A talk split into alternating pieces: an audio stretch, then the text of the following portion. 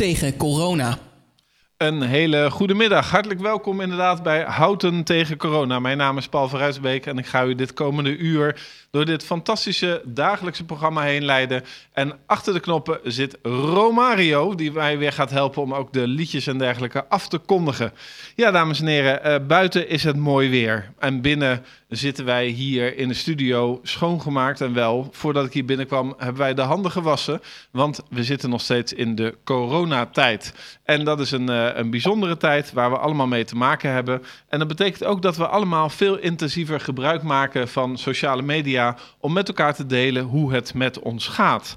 Nou, u bent inmiddels uh, van ons gewend dat wij uh, zo'n beetje iedere dag inbellen met onze eigen burgemeester Gilbert Isabella. En ook hij is uh, vrij fanatiek, ik mag wel zeggen bloedfanatiek op Facebook, onder de naam burgemeester van Houten. Dus zoekt u er even op, klikt u even op volgen en u zult u niet vervelen zo verdeeld over de dag en over de week. En ik zag van de week dat meneer Isabella iets had gepost over zijn um, verleden.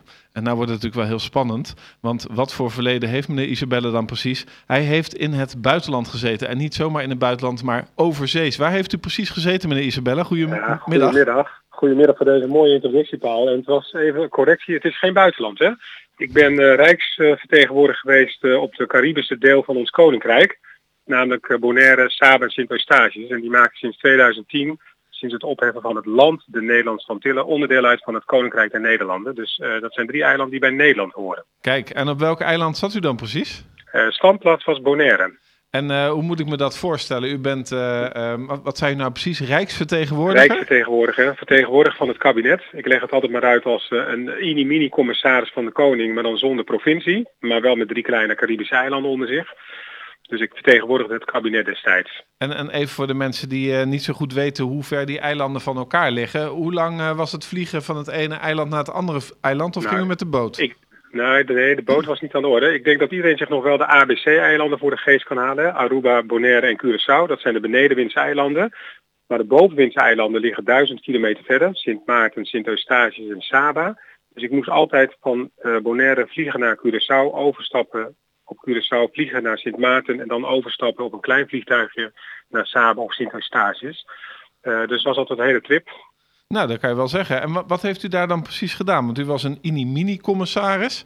Nou is er toevallig net een, uh, een nieuw wetsvoorstel waar is geregeld dat de commissaris misschien als dat wetsvoorstel wordt aangenomen ook wel bij gemeenten binnen mag kijken.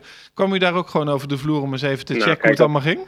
Precies, dat was wat ik daar deed. Ik keek bij de gemeentebesturen, de eilandbesturen zoals ze daar heten, of alles uh, volgens de Nederlandse wet werd gedaan. Het was voor de eilanden heel erg wennen, omdat het nieuwe systeem, het rechtssysteem van Nederland daar was toegepast.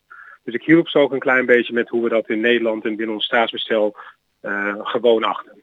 Ja. Dat was echt even oefenen met ze. Nou, nou is het volgens mij op die eilanden wel zo dat, um, ik ben er over zelf nog nooit geweest, dus ik moet een beetje voorzichtig zijn met wat ik hier zeg, maar daar is het volgens mij wel behoorlijk uh, ons kent ons.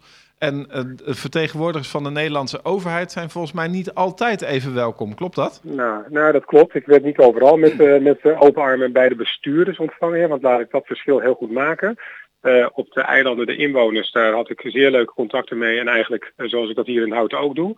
Maar het leuke wat u nu zegt van ons kent ons op de eilanden, dat herken ik hier in Houten ook. Hè? Het gaat om kleine gemeenschappen waar mensen van jongs af aan met elkaar zijn opgegroeid en dus ook groot zijn geworden. En elkaar dus ook weer tegenkomt in het bestuurlijk veld. Dus wat dat betreft heb ik ook best wat uh, aan mijn ervaring die ik op de eilanden heb opgedaan voor hier, hier in Houten. Ja, en hoe heeft u er nou voor gezorgd dat u daar niet met slaande deuren weer terug moest uh, naar Nederland?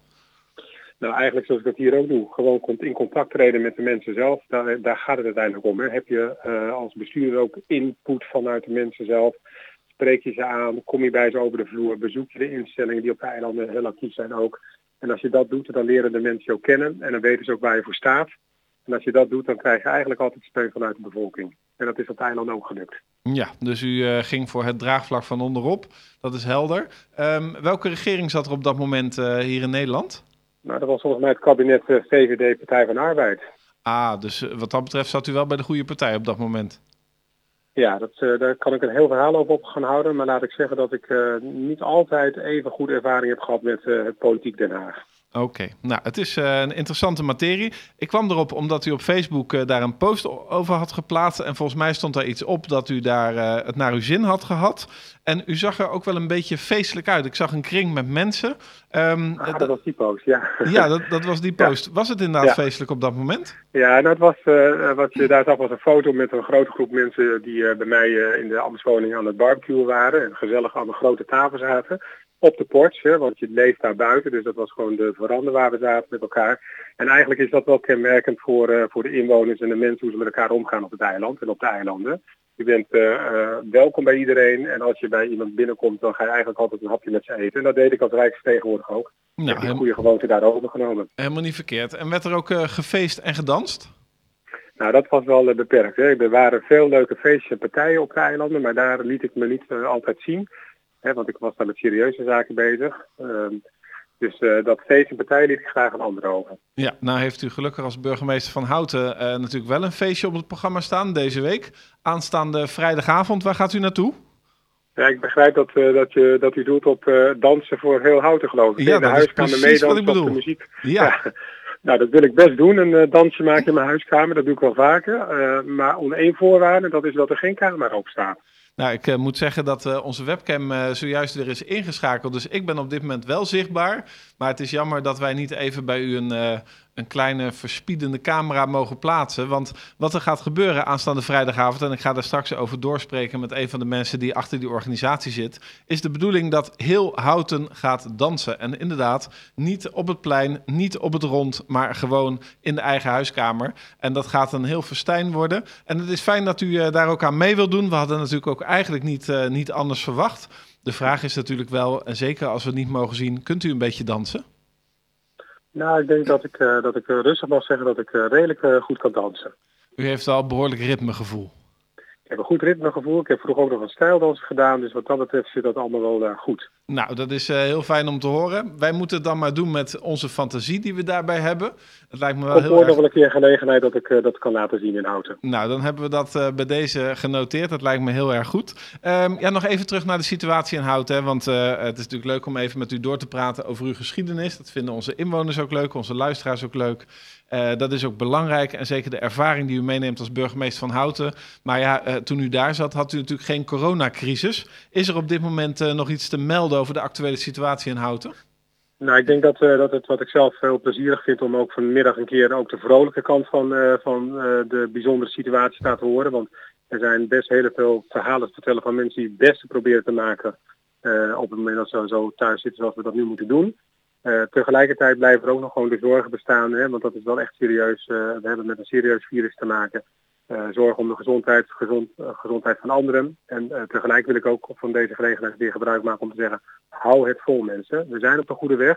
heb vertrouwen in de deskundigen die ons daarover adviseren, maar hou vol, dus houd uw afstand, was uw handen en blijf thuis zolang dat kan en zolang dat moet. Ja, en wat dat betreft zijn er natuurlijk ook allerlei redenen om contacten met elkaar te leggen. Misschien juist wel een beetje extra, ook met die mensen die in, in het normale leven misschien maar heel af en toe spreken, maar die nu misschien alleen thuis zitten. Um, we zijn een publieke omroep, dus we gaan bij deze omroep geen reclame maken. Maar ik wil u toch wel even vragen of u kennis heeft genomen van een landelijke actie van een landelijke uh, firma die zich bezighoudt met het bezorgen van brieven. Als je daar uh, zeker s ochtends vroeg een kaartje wil versturen, een digitaal kaartje, dan kan dat via de app van die firma voor maar 1 cent. Dus ik ben vanochtend ja. al heel druk bezig geweest om kaarten te sturen. Dat lijkt me ook wel iets voor u. Ja, ik heb het nog niet gezien, dus ik ga er straks even naar kijken wat, uh, wat u bedoelt. Want ik begrijp dat u geen reclame wil maken. Maar laat ik dan wel reclame maken voor een houten initiatief. Houten voor houten, dat biedt de gelegenheid om mensen die vragen hebben kunnen bellen of te kunnen gaan naar de website. De telefoonnummer is 030 700 1515. Daar kunt u vragen neerleggen, daar wordt een aanbod bij gezocht. Uh, en ik weet dat ze daar uh, voldoende vrijwilligers hebben om in te gaan op de vragen die vanuit inwoners komen. Dus maak er gebruik van. Ja, en ik begrijp dat als er inwoners zijn die behoefte hebben om u een kaartje te sturen, dan kan dat natuurlijk gewoon via het bekende adres van de gemeente. Dat mag altijd, maar ik zou zeggen, als u een kaartje wil sturen, doet u dat vooral nu naar iemand die dat heel hard nodig heeft en die wellicht alleen thuis zit en zich eenzaam voelt. Uh, dat zou ik nog veel leuker vinden. Ja, nee, ik ben het helemaal met u eens. Maar ik had toch een beetje de hoop dat u dan ook zelf een kaartje zou sturen met een fotootje waarop u aan het dansen bent bij Heel Houten Danst. ik zal er nog eens over nadenken. Nou, lijkt me heel goed. Uh, hartelijk dank voor uw bijdrage en graag tot de volgende keer. U ook bedankt. Tot morgen. Jo, tot morgen.